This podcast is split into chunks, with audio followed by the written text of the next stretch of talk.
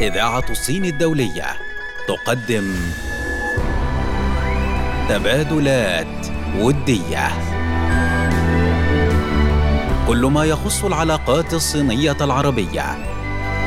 التبادلات التجارية والصناعية والثقافية والعلمية. جسور الصداقة بين الصين والعالم العربي. تبادلات ودية.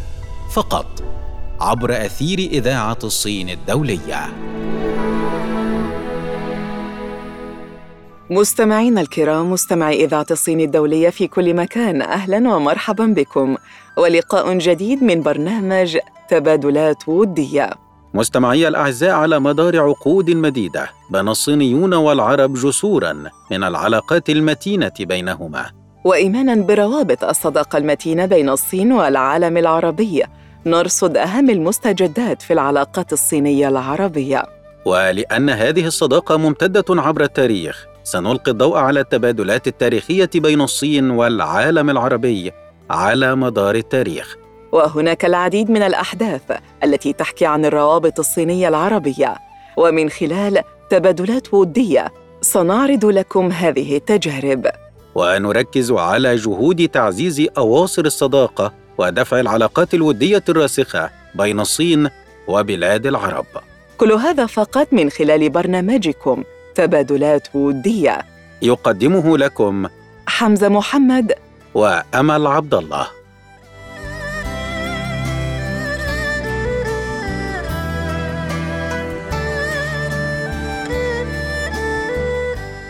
متابعينا الكرام مستمعي إذاعة الصين الدولية في كل أنحاء الوطن العربي.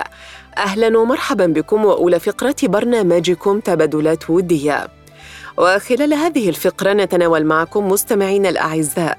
لقاء شيقا أجرته جريدة الصين اليوم مع الخبير الصيني في الشأن العربي باي كوي للحديث عن أهمية التعاون الصيني العربي في المجال الإعلامي. أكد باي أن العلاقات الصينية العربية باعتبارها علاقات بين حضارتين عريقتين عظيمتين في العالم قد شهدت تطورا مستمرا ومتعمقا في العقود الأخيرة. وقد جلبت مبادرة الحزام والطريق ورابطة المصير المشترك للبشرية على نحو خاص مزيدا من فرص الحوار والتبادلات بين الشعبين الصيني والعربي. وأضاف قائلا إن الأمتين الصينية والعربية يعملان باستمرار على تعميق الفهم الثقافي بينهما خصوصا التعارف على أساس جوهر الثقافة للطرف الآخر. حسب العديد من الدراسات من قبل العلماء والباحثين منذ فترة أسرتي مينغ وتشينغ فإن الثقافتين الصينية والعربية متقاربتان أو متشابهتان في كثير من المفاهيم التقليدية. وفيما يخص تعزيز العلاقات الصينية العربية عن طريق المجال الإعلامي قال باي لدى وسائل الإعلام الصينية والعربية الكثير من المساهمات التي تقوم بها لتعزيز التبادلات الثقافية بين الطرفين.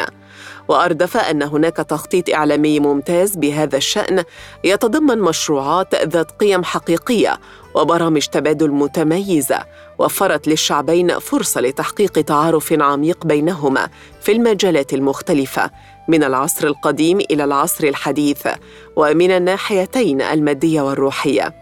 وتابع باي أنه في العصر الرقمي يمكننا التفكير في الاستفادة الكاملة من الرقمنة والذكاء الاصطناعي والجيل الخامس للاتصالات وغيرها من التقنيات الحديثة لتعزيز أداء الإعلام الفعال والتبادلات. واردف انه أثناء زيارته للدول العربية المختلفة وجد أن الأصدقاء العرب لديهم رغبة شديدة في معرفة المزيد عن الصين وعن قطاعها الإعلامي. ولديهم شغف كبير بأن يحصلوا على التدريبات حول الإعلام الجديد من قبل الأصدقاء الصينيين لرفع مستواهم في هذا المجال.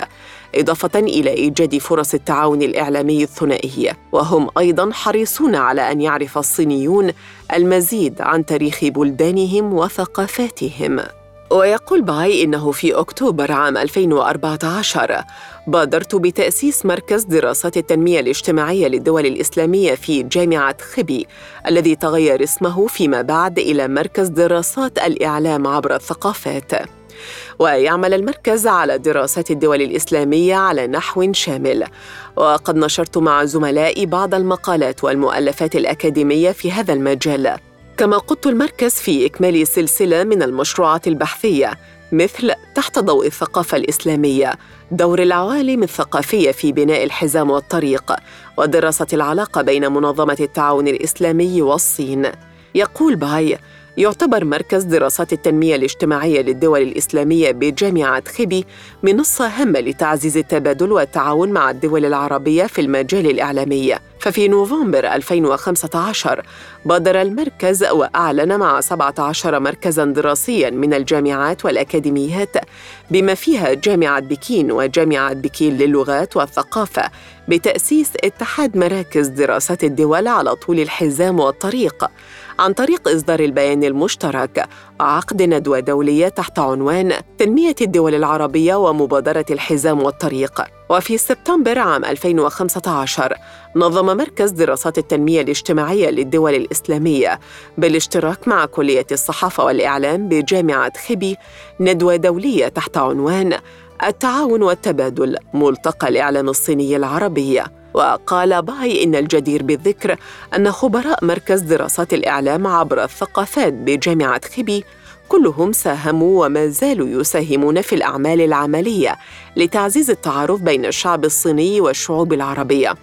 ومنهم مثلا الباحث الصيني شاو باو هوي الذي تولى منصب مدير معهد كونفوشيوس بجامعة ماكشوت في موريتانيا منذ عام 2019 حتى الآن.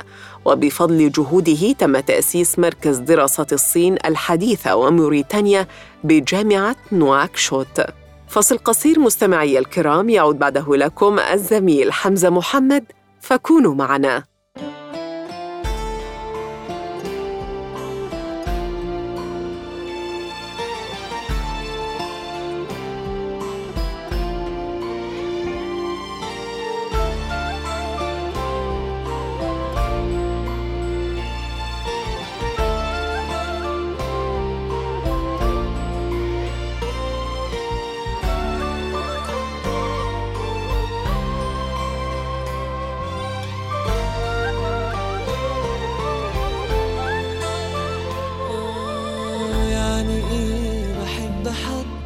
بفكر في حد تاني. بجد مش فاهمني بجد مش فاهمني. يعني إيه مش عايز أسيبه؟ بس برضو عايز التاني. بجد مستغربني بجد مستغربني.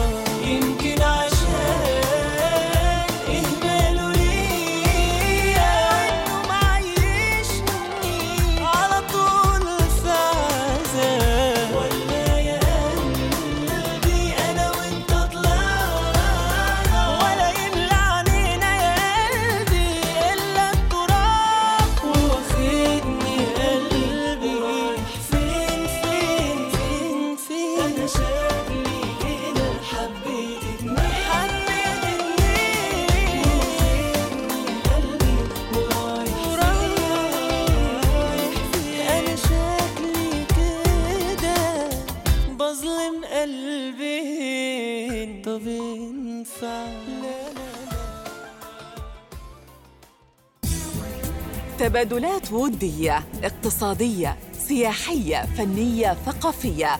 أواصر الصداقة الممتدة بين الصين والعالم العربي.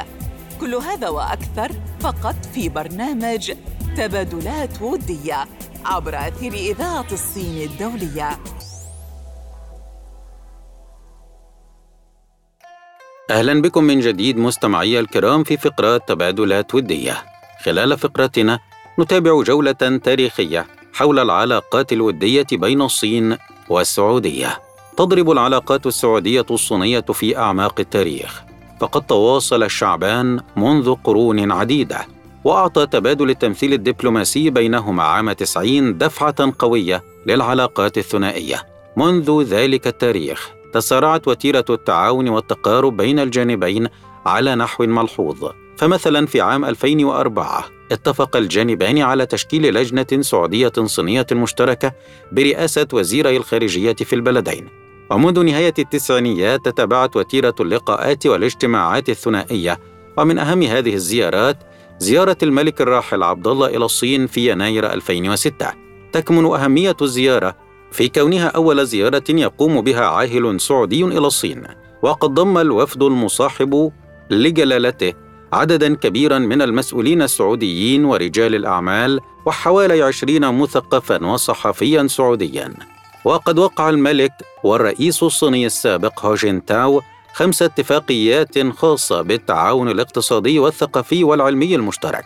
وقد كان هذا التعاون مجرد بداية للكثير من التطورات التي وصلت إليها العلاقات الثنائية بين البلدين الشقيقين في وقتنا الحالي. تعتبر الصداقة والشراكة بين الجانبين السعودي والصيني ذات أبعاد ثقافية وحضارية.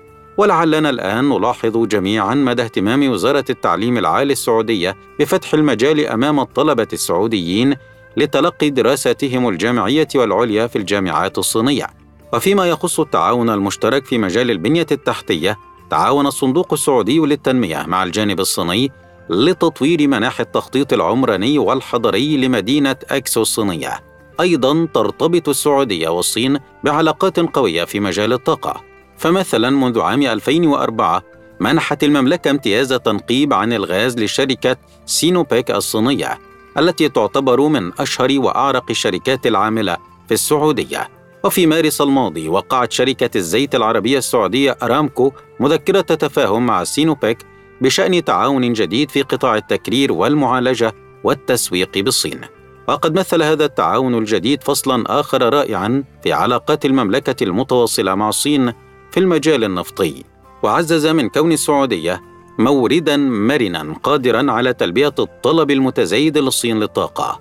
وقد قال رئيس شركة سينوبيك يو باوكاي إن شركتي سينوبيك وأرامكو السعودية يتمتعان بتاريخ طويل حافل بأمثلة عديدة من التعاون الناجح حيث تتعاون الشركتان في عدد من مجالات المنفعة المتبادلة مثل تجارة النفط الخام والتكرير والمشاريع الكيميائية المشتركة والخدمات الهندسية بالإضافة إلى البحث والتطوير في مجال العلوم والتقنية ما يمثل نموذجا للتعاون في مجال الطاقة بين الصين والمملكة. ما ذكرناه فيما يخص المجال النفطي والمجالات الأخرى يحيلنا مباشرة إلى التدرج الرائع الذي اتخذته العلاقات الصينية السعودية حتى وصلت إلى ما نراه الآن من ازدهار وقوة وتواصل كبير. ولا شك أن هذه العلاقات بين البلدين الصديقين تعكس رؤية استراتيجية مشتركة، كما تعبر عن عمق العلاقات بين شعب السعودية وشعب الصين في جميع المجالات. بهذا مستمعي الأعزاء وصلنا لختام فقرتنا فاصل قصير تعود بعده أمل عبد الله بفقرة جديدة.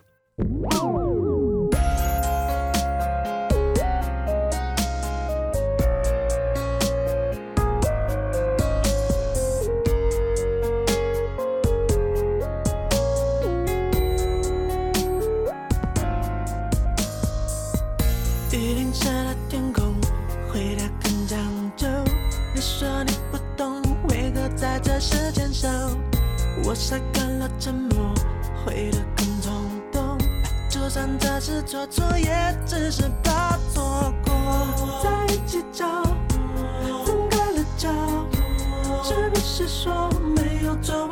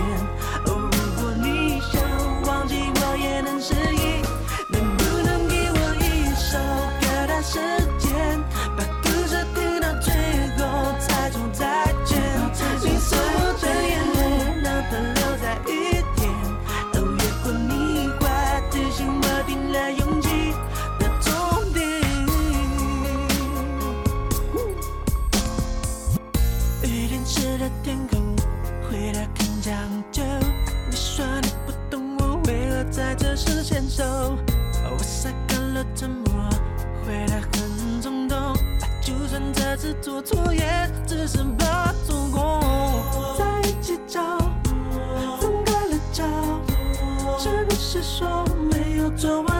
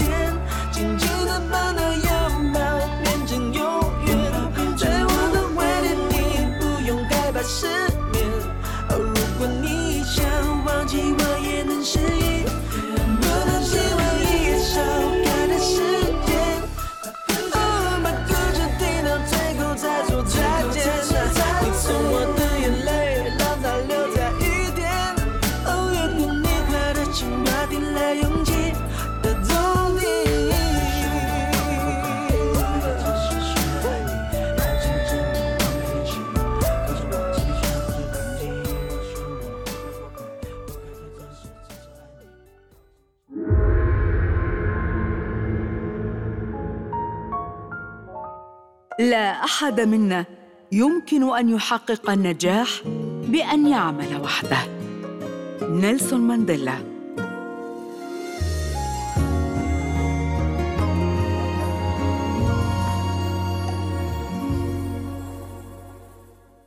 مستمعينا الأعزاء أهلا بكم من جديد وعودة إلى برنامجكم تبادلات ودية الذي يأتيكم عبر أثير إذاعة الصين الدولية بحكم قوة وترابط العلاقات والتبادلات بين الصين والوطن العربي. كان هناك العديد من الأشخاص العرب الذين كانت لهم تجارب مختلفة في جمهورية الصين الشعبية وأيضاً العديد من الصينيين الذين كانت لهم تجارب مختلفة في البلاد العربية. اختلفت هذه التجارب الشخصية وتنوعت فمنها الاقتصادية والاجتماعية والفنية والثقافية والفكرية والعلمية.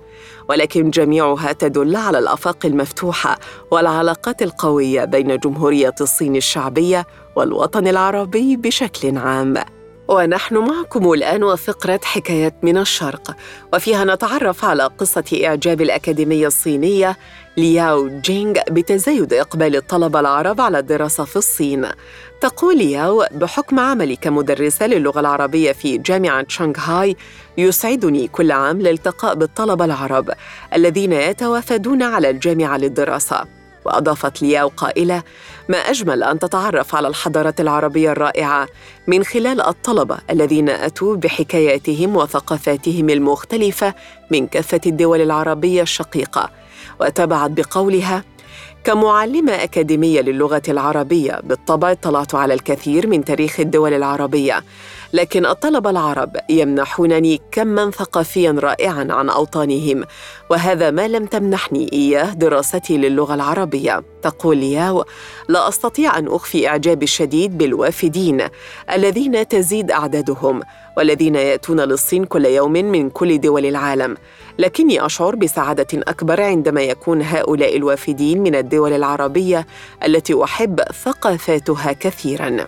وتابعت لياو كنت قد أجريت بحثاً بعنوان تكيف الطلبة العرب الوافدين إلى الصين ورصدت فيه أن السنوات الأخيرة شهدت زيادة كبيرة في أعداد الطلبة العرب في الجامعات الصينية فقد وصل عددهم إلى رقم قياسي بفضل العلاقة الودية بين الدول العربية والصين. وقالت لي هاو إن بداية استقطاب الطلاب العرب في الصين واكبت التبادل الثقافي والتعليمي بإمضاء اتفاقية الشراكة بين الحكومة الصينية وحكومات الدول العربية وختمت لياو قائله إن التعاون الصيني العربي في المجال التعليمي هو من أهم المجالات التي ترتقي بمستوى التبادلات الودية بين البلدين، وأتمنى أن يستمر تبادل الطلبة بين الصين والدول العربية بشكل يليق بهذه الصداقة التاريخية التي تجمع الطرفين الشقيقين منذ قديم الأزل.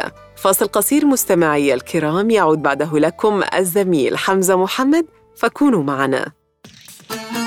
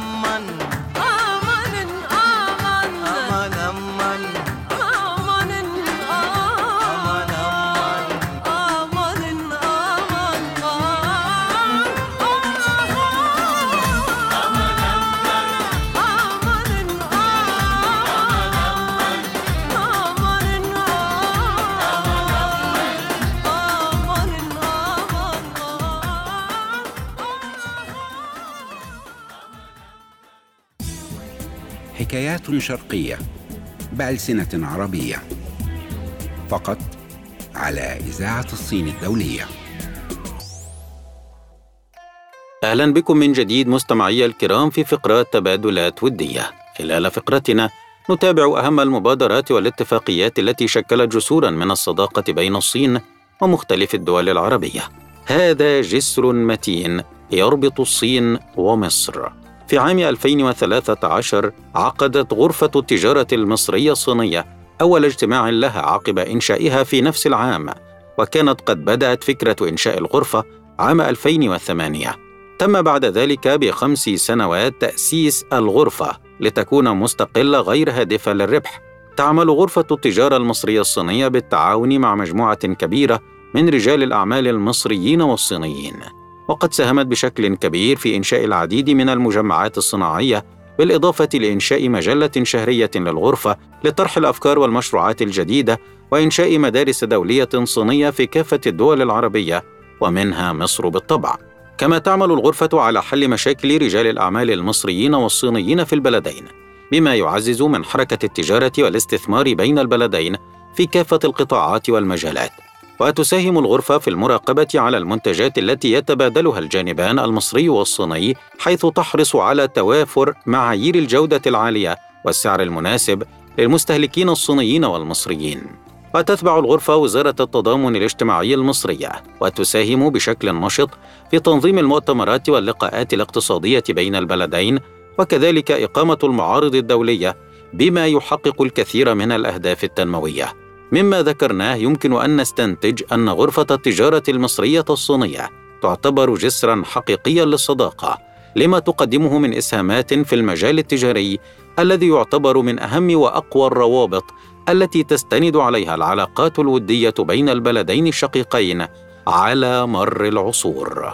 بهذا مستمعي الأعزاء وصلنا بكم إلى ختام فقرتنا وبها أيضا تنتهي حلقتنا في تبادلات ودية. كان معكم في التقديم أمل عبد الله وحمزة محمد. مع تحيات فريق العمل. إعداد ميريهان محمد. نجلاء فتحي. ولي شانغ. رئيس التحرير وسام دراز. هندسة الصوت خالد بهاء الدين. وكان معكم في الإخراج وليد إمام.